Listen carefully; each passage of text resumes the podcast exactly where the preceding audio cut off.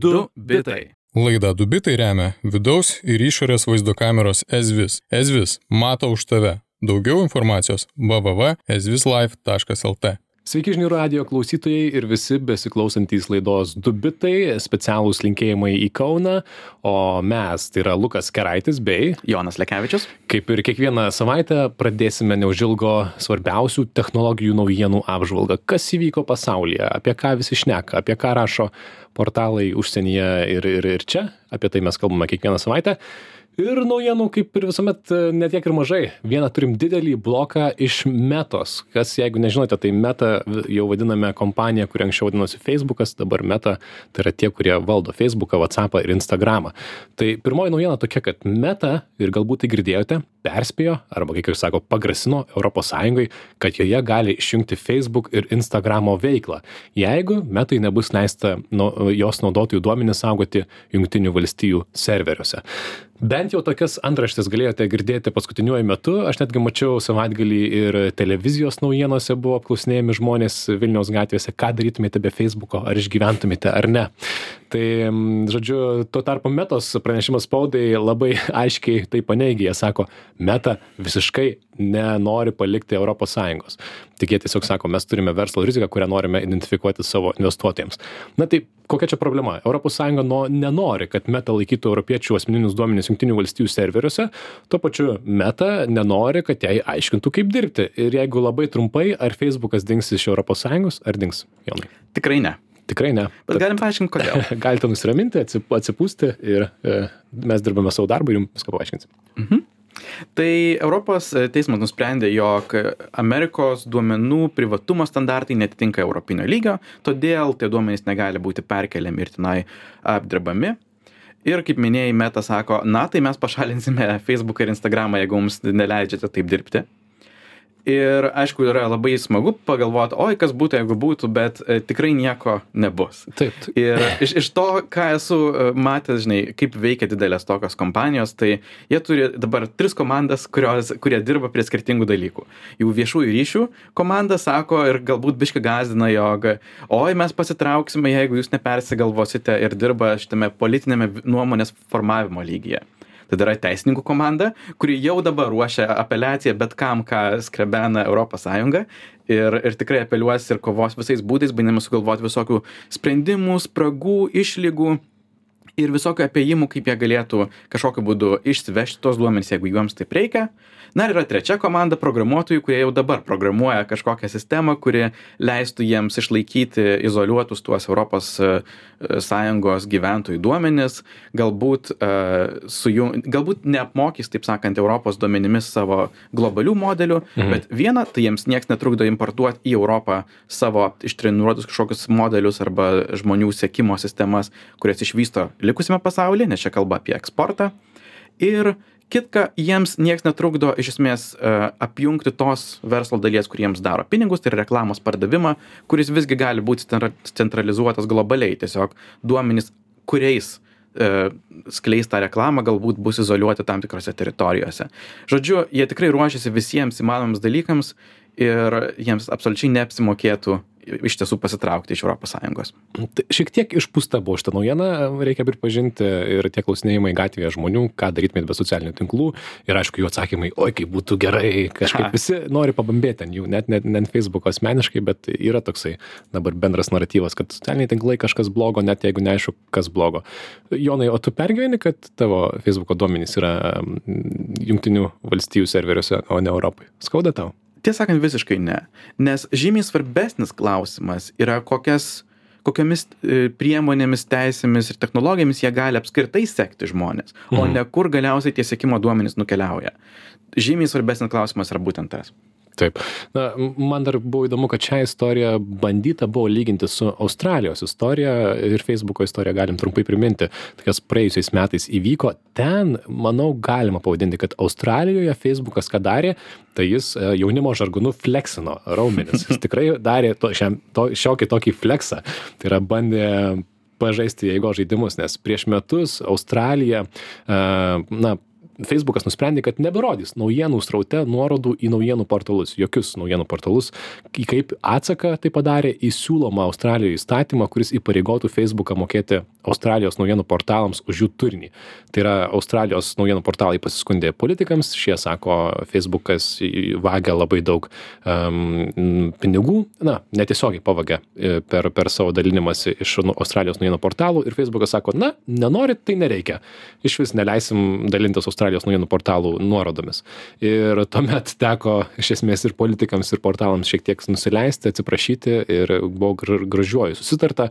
Suprasti realybę kas iš tiesų turi galią šitame kas iš tikrųjų turi taip ten buvo geopolitinis žaidimas iš tikrųjų ten e, feisbukas parodė savo galią ir jis galėjo tai daryti nes australijos rinka jiems yra labai maža ir jie tikriausiai suprato kad jeigu kitos šalys paseks australijos pavyzdžiu ir jiems dabar reikės visiems mokėti naujienų portalams visose šalyse tai bus labai daug reikalų. Priešingai nei google. Google tai šitą problemą taip draugiškiau sprendžia stengiasi mokėti publikuotojams visame pasaulyje padarė ne vieną iniciatyvą milijardą dolerių išmokės per tris metus e, na, naujienų portalams. E, tai žodžiu, e, Facebookas buvo toks blogietis patapęs Australijoje, bet šita istorija visai netokia. Facebookas, man atrodo, nenori susipykti, nenori pasitraukti ir nenori kažko pavadinti prarasti Europai, jiems patiems būtų didžiulis, didžiulis skaudulys. Mhm. Visa šita naujiena apie tai, jog oi mes uh, neaišku, kaip čia elgtis su ES duomenimis, buvo paskelbta kartu su jų ketvirčio rezultatais, kurie girdėjau buvo gana raudoni. čia dar didesnė naujiena negu šitie grasinimai, kad e, Facebook'ui finansiškai nesiseka, jis jo akcijų kaina nubildeno žemyn, e, nusislideno žemyn. 20 procentų, arba jie per vieną dieną prarado 230 milijardų dolerių rinkos kapitalizacijos, kažkas palygino tą su Latvijos, Estijos bendru vidaus produktu, tai toks e, didžiausias e, kompanijos vertės nukritimas apskritai visų JAV kompanijų istorijoje. Ir turbūt verta pabandyti išnarplioti, kas lėmė tokį didžiulį šoką ir kodėl žmonės nemato potencialo uh, metos kompanijoje. Taip, Jonas pasiruošė čia puikią analizę šitą Dar vieną verslo. Puikiai case studies vadinamasis. Tai aišku, pirmiausia, tai pirmą kartą iš tikrųjų istorijoje nukrito mėnesinių aktyvių vartotojų skaičius Facebook'e. Na, nukrito labai mažai, e, beveik 2 milijardai vis tiek vartotojų. Na, kiek čia nukrito? 100 milijonų vartotojų? 0,05 procento. Taip. Praktiškai kad... vienu plaukeliu. Bet pirmą kartą istorijai nukrito ir vien tas jau yra toksai antraštė. Taip, tai pirmą kartą tai čia per kiek 18 metų? 2000... Jo, 18 metų, jie švenčia šiandien 18. Um, ir bendrai tai buvo tiesiog laiko klausimas, nes kompanija per visas savo programas, minėjom Instagramą, WhatsAppą, jie turi 2,9 milijardo uh, mėnesinių aktyvių vartotojų. Ir čia yra beveik pusė žmonijos, ypač turint omenyje, jog jie apskritai neegzistuoja Kinijoje. Jie tiesiog buvo laiko klausimas, kada susidurs su šitom lubom plius paskutiniais mėnesiais metais jų jau augimas buvo iš mažiau išsivysčiusių rinkų kuriose apskritai net internetas nėra pilnai iš išplitęs pavyzdžiui indijoje ir tiesiog buvo akivaizdu jog bus tas sulėtėjimas ir štai šis ketvirtis kartu su visom kitom blogom naujienom yra tas kada jie pirmą kartą paskelbė jog jie prarado vartotojų. Na negali plėstis amžinai kaip visata. Turi kažkiek sus sumažėti. Kažkas buvo juokavęs jog kaž kažkuriuo metu jau jų strategija turės būti šeimų skatinimas. Kad gautų daugiau naudotojų. Taip. Antra priežastis, kodėl taip smarkiai nukrito jų vertė, buvo tai, jog į pagaliau įvertino apple dar pernai balandį pristatytos funkcijos e, vadinamos att arba app tracking transparency programėlių sekimo skaidrumo nustatymų kuriais jie iš pradžių sakė jog oi mes čia nieko nepajausim. Pagaliau įvertino jog to kaina yra dešimt milijardų dolerių per metus kiek jie praranda dėl to jog apple leido iphone vartotojams rinktis ar jie nori būti sekami tarp programėlių ir vadinasi jeigu jie spaudžia ant kažkokių reklamų feisbuke arba instagramoje ir pavyzdžiui vėliau parsisiunčia kažkokį reklamuotą žaidimą feisbukas nebegali taip paprastai susieti reklamos su veiksmu ir todėl jie prarado labai labai daug.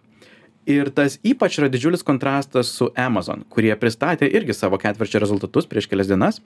Ir jų akcijos šoko į viršų trylika procentų. Jie pirmą kartą paskelbė kiek jie uždirba iš reklamos kuri nėra labai sudėtinga sujungti iš tiesų yra susijusi su tuo jog feisbukas daug prarado. Nes jeigu tu negali pavyzdžiui kaip e komercijos kažkoks pardavėjas paprastai atsekti kaip kokia efektyvi yra tavo reklama instagrame tu eini tiesiai ten kur gali kur yra kur nėra jokių trečių šalių duomenų viskas yra pirma šalis amazon ir tenai perki žymiai daugiau reklamos kada žmonės ieško konkretaus produkto.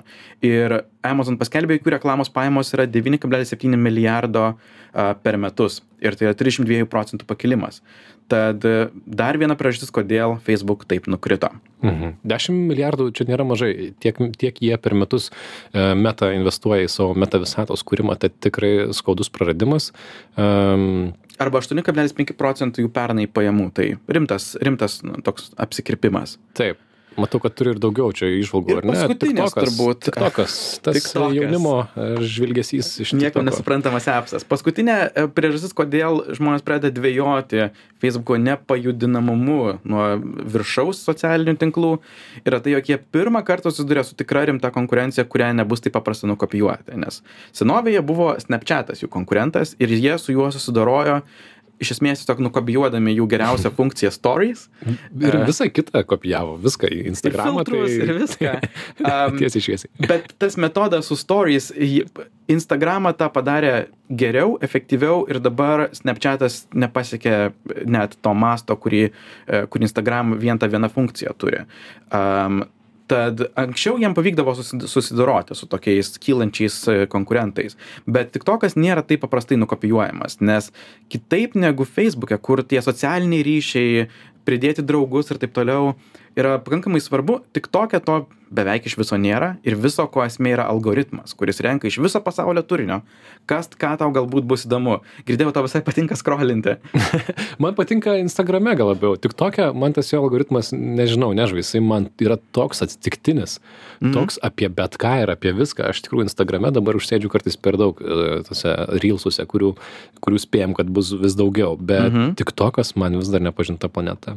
Nes TikTokas yra prikibęs labai sėkmingai prie tos auditorijos, kurią meta labiausiai nori pasiekti. Jie yra pasakę, jog jiems nėra taip smarkiai įdomu auginti vartotojus, kurie yra vyresni negu 30, jiems įdomiausia 18 nuo 29 metų žmonės, jų būsimi ateities pirkėjai ir jie darys viską, jog kuo daugiau pritraukti tų žmonių, įskaitant visaip kaip kopijuoti, ką daro TikTokas. Tai labai gali būti, jog Instagram Reelsai bus dar labiau stumiami į srautą, rodomi, jog žmonės bandytų uh, naudoti Instagramą, o ne TikToką. Ir per, per visos kompanijos susirinkimą uh, prieš kelias dienas Mark Zuckerbergas pasakė, jog jų visų produktų fokusas turės būti, uh, kaip jisai tą paminėjo, trumpas video turinys, kuris turbūt bus rodomas algoritmiškai. Taip, trumpas video turinys tai yra nugalėtojas šitoje istorijoje ir apskritai tai yra vis dar tendencija. Aš vis dar nuobodžiai kartais, kai kalbu apie tendencijas, kažkur sakau, kad trumpas video turinys yra labai karšta tendencija, jo bus dar daugiau, pasiruoškite telefone, matysit jo dar daugiau. Ir, ir jie nėra vieninteliai taikantys į šitą dalyką. YouTube su savo shorts um, funkcija taip pat taiko į tą patį dalyką, kol dominu, kuriame kol kas dominuoja TikTok. Um, ir tiesą sakant, aš manau, jog net YouTube yra smarkiai geresniai vietoj uh, nukonkuruoti TikToką negu, negu Facebookas, nes jie jau turi labai gerus santykius su kuriejais, kurie gyvena iš YouTube kūrimo. Ir šiaip vartotojai jau yra pratę prie to algoritmiškai jiems siūlomo turinio be kažkokio draugų santykio. Taip, matyt, Jonai ir mums reikės, man atrodo, prie to taikytis O, anksčiau ir dubitai vėliau. TikTokas. Du bitai per 30 sekundžių savaitės naujienas aptarti. Mm. Šis tas būtų, ar ne? Jo, Visai reik iššūkis, pabandyt. Bet jaunimui patiktų. E, tai žinių radio klausytėm priminame, kad su Jonu kalbame laidoje Du bitai, aptarėme svarbiausias technologijų e, naujienas, e, kalbėjome tik toką, Facebooką, kas įvyko praeitą savaitę. Jeigu girdėjote praėjusią savaitę, kad Facebookas pasitrauks iš Europos, tai mes Jonu sakom, ne, pasitrauks, žinokit, niekur nedings, viskas bus gerai.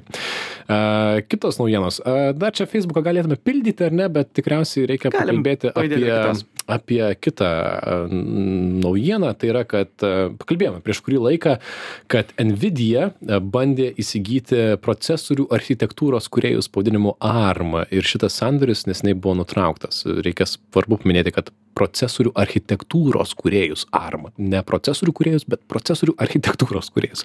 Taip. Tai kodėl, kodėl jiems nepavyko nusipirkti šitos kompanijos už 66 milijardus uh, dolerių? Tuo bandymu pirkti piktinosi visi, kas tai galėjo. E, Amerikos reguliavimo tarnybos, e, Britų, kurių tai yra kompanija, ir ES, nes tai yra susiję. Um, visi piktinosi, jog ne, neleisti jiems įsigyti. Ir taip pat jų visi konkurentai. Microsoft, Qualcomm, kurie taip pat uh, jie licenzijuoja ARMO uh, architektūrą ir patys kuria su tuo susijusius procesorius. Um, bandymas parduoti ARM buvo tas bandymas uh, realizuoti pelną uh, uh, iš tokio Japonijos konglomerato SoftBank, kurie prieš šešis metus nusipirko ARM Holdings už 302 milijardus ir čia būtų, taip sakant, padrikubinė jų beveik investicija, jeigu būtų pardavę. Um, bet pasirodo, jog iš esmės ARM yra toks neparduodamas dalykas. Jie licenzijuoja savo architektūros dizainus praktiškai visom kompanijom - Apple, Microsoft, Intel, AMD, Nvidia, Qualcomm. Ir jeigu viena iš jų staiga įsigyja tai, ką naudoja visas kitos, atsiranda labai daug tokių antikonkurencinių mhm. uh, aspektų. Ir vadinasi, vienintelis dalykas, ką SoftBank be gali daryti, bandydami realizuoti uh, vertę, tai jie jau pasakė, jog jie bandys viešai listinguoti. Uh, turbūt to darys New York'e pasi, Britų pasipiktinimui, um, bet to galime tikėtis šiais arba kitais metais taip na dar supaprastinant e, procesorių rinkoje arm yra tarsi vieninteliai architektai kurie daro namų brėžinius o namų statytojų yra na ne vieneri kurie gali pagaminti procesorius bet arm yra vieninteliai kurie kuria architektūrą tai yra pačią pažangiausią architektūrą ir parduoda ją visiems kas tiktai nori pirkti. Tad iš tikrųjų jeigu kažkas nusipirktų turėtų didžiulį didžiulį turėtų pranašumą prieš tas kompanijas. Mhm. tai turbūt gerai kad tą uždraudė ir dabar jie bus e, jų vertė realizuota gana teisingiau taip. Kita naujiena iš apple pasaulio deja lietuvos ji dar greitai matyt nepasieks bet vis tiek jungtinėse valstijose apple pristatė mokėjimų priėmimą per iphone. Kaip tai veikia jonai? Žinai visus tuos terminalus kurie yra kavinėse kuriuos tu gali paliesti kortelėmis arba jeigu turi virtualią kortelę savo telefone arba laikrodyje tai apple inovacija yra jog nebereikėtų tų terminalų arba kažkokių papildomų prietaisų tavo aifonas taptų tuo prietaisu kuriuo galėtum nuskaityti pirkėjo kortelę. Kortelių skaitytuvu. Taip. Uh, jie prieš du metus nusipirko kompaniją MobiWave, kurie buvo sukūrę technologiją, kuri leido tiesiog priimti mokėjimus uh, per standartinę telefonų NFC prieigą ir pritaikė tą. Ir jie yra pirmieji mano nuo mano žiniomis pasaulyje turintis tokį tokį pasiūlymą kur jeigu esi koks mažas verslas ir tiesiog nori labai paprastai gebėt priimti pinigus iš visų nebūtinai iphone turėtojų a gali tiesiog nieko papildomai nepirkti deklaruot savo verslą apple ir tokiu būdu susirinkinėt pinigus tiesiog per savo telefoną. Šis tas šis tas jeigu tai būtų įvykę prieš kokius penkerius pavyzdžiui metus tai būtų būčiau sakęs išvis eina sau. Dabar jau tie kortelių skaitytuvai net ir mažiem verslam nekainuoja labai daug bet vis tiek tai atskiras įrenginys kurį reikia turėti. Bet na turėti mažą verslą ir galėti tiesiog pridėti savo kreditinę kortelę prie telefono pyp nuskaityt pinigus tai šaunu tiktai kad tai lietuvos nepasieks dar greitai kaip suprantu ar ne? Čia jungtinėse valstijose tiktai įmanoma funkcija ir pas mus kada tai bus? Jeigu žinant bendrai apple tempus tai aš spėčiau kažkur tarp du tūkstančiai trisdešimtų ir niekada. Bet šitą programą apple a, jau turbūt žinodami jog jie visą laiką yra visų reguliavimo tarnybų taikikliuose daro pakankamai atvirą kur įvairūs mokėjimų priėmimo kompanijos a gali integruotis į tą sistemą ir kurti savo sistemas ant viršaus. Ir jų pirmas partneris yra in tokia internetinių mokėjimų priėmimo platforma stripe su kuriais kurie irgi jau priima verslų mokėjimus internetu ir dabar galės tiesiog per jų papildomas kažkokias programėles ir fiziškai susirinkinėt mokėjimus. Ir galbūt viltis yra jog jeigu jie turės pakankamai daug partnerių ir stripe jau dabar veikia lietuvoje bet yra ir kitų kompanijų kurios potencialiai gali bandyt norėti teikti lietuvai tokias paslaugas galbūt nereikės laukti patvirtinimo iš apple o galbūt mhm. tiesiog tai į tai ateis. Plius visada gali būt jog google arba samsung tiesiog pasakys o faina idėja mes nukopijuosim. Taip ir atsiskaitinėsime ateityje prikišdami kredito kortelę prie kieno nors telefono tad aišku dar įdomu kiek apple pasiims nuo to pinigų klausimas bet vis tiek jie turi na dar vieną nišą kur kur gali uždirbti pinigus. Ir pabaigai mes turime dar pati šviežiausia naujiena iš kiek visai kitos temos iš kosmoso temos. Galbūt girdėjote galbūt negirdėjote bet šią savaitę elono masko garsioji įmonė starlink kuri tiekia palydovinį internetą visame pasaulyje vienu metu prarado tarp keturiasdešimties keturiasdešim devynių na vis dar skaičiuojama e, palydovų kurie skrenda aplink žemę. Juos sugadino elektromagnetinė banga tai yra kurią sukėlė saulės vėjas. Tad vasario trečią dieną buvo iš Floridos paleista beveik 50 palidovų su, su Falcon 9 raketa į orbitą. Jie paleisti maždaug 210 km aukštyje. Tai yra gana žema orbita ir kaip SpaceX visai nekukliai apie save sako, jie yra super galvojantis apie tvarumą, apie gamtą, dėl to pakabina pradžių palidovus labai žemoj orbitoj, kad jeigu kažkuris iš jų dar neveikia uh, iškėlus, kad jį galėtų paleisti į Žemę, sudeginti ir, ir, ir niekam ne, nebus šiukšlių palikta kosmose. O veikiantis tuo metu kyla, uh, daro manevrus ir kyla aukštesnė orbita. Tai vienu įpū jie gali paleisti apie 50 tokių palidovų ir kas nutiko, tai paleido tas 50 ir juos užklupo um, elektromagnetinė banga, ta banga ir Vadinama sako, yra audra. tokia, Audra. Nes, nes jos e, kaip... Turbūt ir kaip e, tokie potviniai, žinai, susibuoja ir e, kartais yra sunku nuspėti, gali būti net ne, neįmanoma nuspėti, kada bus ten ta magnetinė audra. Ir, na, taip nutiko, jog dar jiems nepakilus į tą jau aukštesnę orbitą užklupo pakankamai stipri audra ir kaip jie labai vaizdingai pasako, jiems reikėjo slėptis nuo tos audros, pasisuko šonu, jog sumažinti a, tą pasipriešinimą tam jokie, kaip sakė, kaip popieriaus lapas bandytų eiti pro tą audrą, bet tie manevrai išnaudoja kūro turbūt per daug, tiek, kiek galiausiai nepavyks pakilti į savo galutinę orbitą. Tad, na, tas praradimas, mm, kaip ir, kaip ir visas, visas raketos skrydis, nuėjo šunė ant uodegos, bet šiuo metu jau aplink Žemę skrenda daugiau nei 1800, gal iki 2000 SpaceX palidovų dirbtinių. Planuojama, kad jų bus bent 12 tūkstančių, o gal ir 42 tūkstančiai skrydys aplink orbitą. Tai, na, su kuo mes iš Jonų, su Jonu pasijuokėm, tai kad SpaceX labai gražiai savo pranešime spaudai pažymė, kaip jie yra tvarūs, kaip jie nepalieka šiukšlių ir štai mūsų palydovai sugedo, bet jie visi sudegė e, pakeliui į Žemę ir mes mažų mažiausiai, jeigu jau ir užimam vizualų triukšmą kosmose ir tru- trukdom kartais kosminiams stebėjimams, tai bent jau nepridarome šiukšlių aplink Žemę. tai Kas, aš, aš suprantu, jog jie turi teisę tuo girtis, bet iš esmės yra gerai, nes kai jie planuoja galiausiai paleisti jų 12 tūkstančių, tai yra labai svarbu, jog jie turėtų Mhm. gerą planą, kaip juos galėtų pašalinti, jeigu kažkas trukdo. Taip, tai SpaceLinkai, na, e, SpaceXai giriasi, sakykime, nebereikalo. Tai tiek naujienų, kaip tik laikas į pabaigą, kaip tik daugiau ir nespėsime. Čia buvo laida Dubitai, kaip visuomet žinių radio, svetainėje žinių radijos LT rasite visus laidos įrašus, o mes, Lukas Keraitis ir Jonas Lekevičius. atsisveikinam iki kitos savaitės, grįšim su kitom naujienom, sakom iki. Iki. Du bitai. Laidą Dubitai remia vidaus ir išorės vaizdo kameros Ezvis. Ezvis mato už tave. Daugiau informacijos www.ezvislife.lt.